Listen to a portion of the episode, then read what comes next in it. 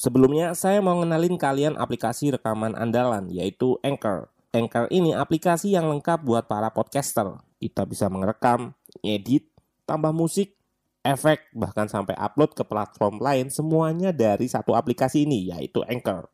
Nah, aplikasi ini bisa kalian download di App Store atau Play Store, atau bisa juga dari website langsung di www.anchor.fm. One app that your podcast need. Oh ya, Anchor ini gratis, free transfer.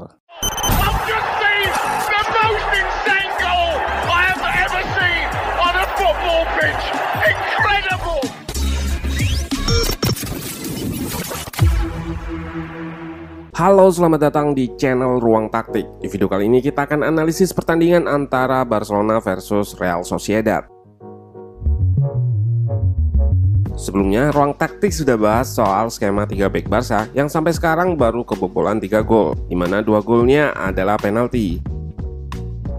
Secara garis besar, sistem baru komen ini membuat Barca lebih mudah dalam bertahan, terutama dalam melakukan high pressing.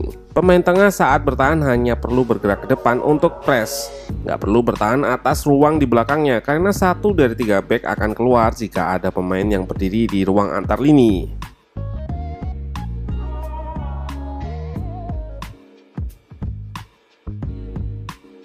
Lalu fitur taktikalnya lagi adalah peran Frankie De Jong sebagai libero atau back tengah yang juga bisa bermain ke depan.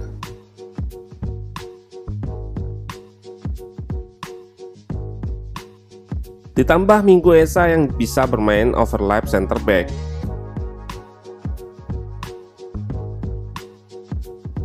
Penasaran dengan detail taktik di pertandingan ini? Let's go, kita bahas sama-sama. Seperti disebut di awal, Barca turun dengan skema 3 back. Real Sociedad juga sama menggunakan 3 back yang sejak dari awal bermain bertahan dan mengubah formasi 3 back menjadi 5-4-1 menggunakan blok rendah.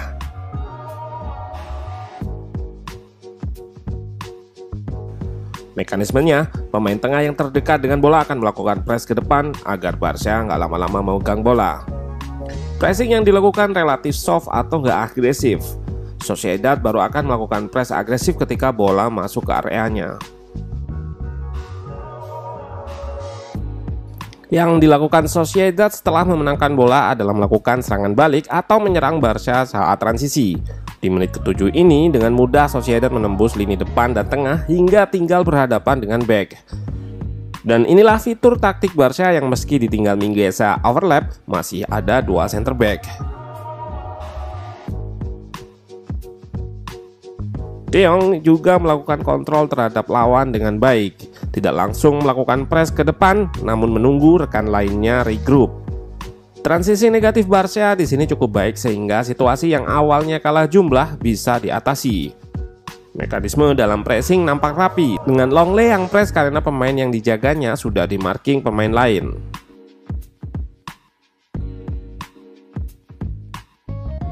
Ide Sociedad adalah mengeksploitasi sisi kanan atau Mingueza.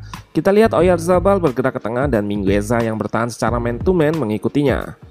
Hal ini membuat ruang yang ditinggalkannya kosong dan dieksploitasi pemain lain. Namun dengan sigap Busi membaca situasi ini. Tapi Sociedad justru mencetak gol dari sisi kanan, memanfaatkan aksi individu Barrenechea dalam melewati tiga pemain Barca.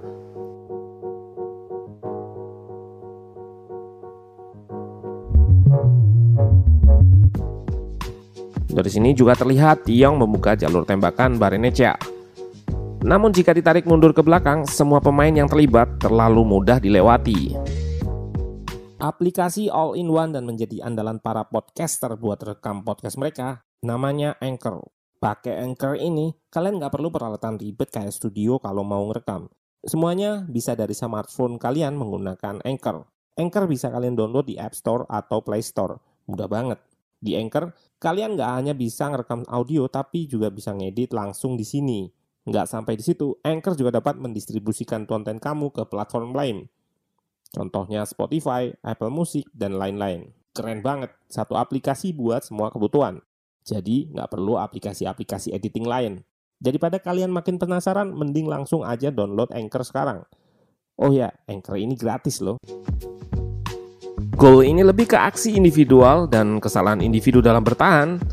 Juga salah satu gol terbaik di laga ini. Gak mudah buat membongkar pertahanan yang rapat yang seluruh pemainnya turun ke belakang. Butuh banyak pemain yang ke depan untuk atasi jumlah pemain Sociedad yang menggunakan blok rendah. Inilah alasan digunakannya De Jong yang punya kemampuan bertahan dan menyerang sama baiknya di posisi back tengah. De Jong bisa naik untuk melakukan progresi ke depan lewat umpan atau dribblenya. Mingueza juga overlap agar Des yang berposisi sayap bisa melakukan cut inside atau masuk ke tengah sehingga banyak pemain di kotak penalti.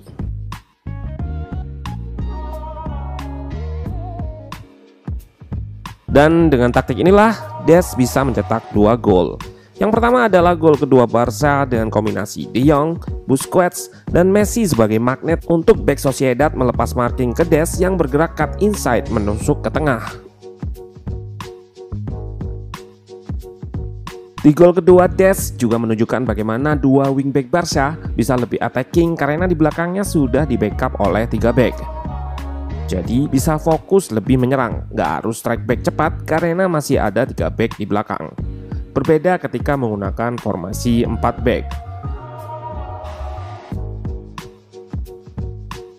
Kedua wingback ini yaitu Des dan Alba bisa sama-sama menusuk dan masing-masing memberi assist dan mencetak gol. Dan tiga back Coleman ini adalah adaptasi dari 343 Johan Cruyff yang juga menggunakan libero, tentunya dengan modifikasi lini tengah dan depan. Elemen seperti triangle pass yang juga digunakan Pep Guardiola nampak terlihat juga di taktik Coleman ini. Elemen ini yang bikin Barca bisa bermain dalam tanda kutip tiki taka. Yap, seperti yang terjadi di gol ke-6 ini. Triangle pass memungkinkan bagi pemain untuk melakukan kombinasi umpan pendek dengan sudut yang mudah dijangkau dan bisa melewati hadangan back lawan. Messi jelas bintang dalam laga ini. Dua gol dan satu assist membuat torehan golnya menjadi 23 yang menjadikannya top skor sementara. Kemampuannya dalam mengobrak-abrik pertahanan lawan bikin dia jadi magnet bagi back lawan. Namun jangan lupakan juga peran dari Busquets yang di dua gol pertama melakukan progresi umpan dari posisi yang dalam untuk menemukan Messi.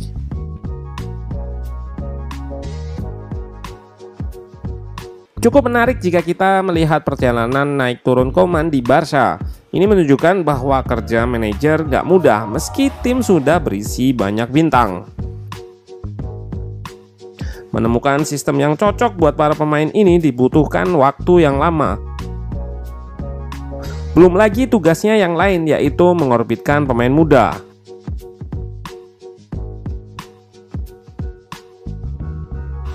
Menarik untuk disimak kiprah Koman selanjutnya. Apakah mampu membawa Barcelona menjuarai La Liga?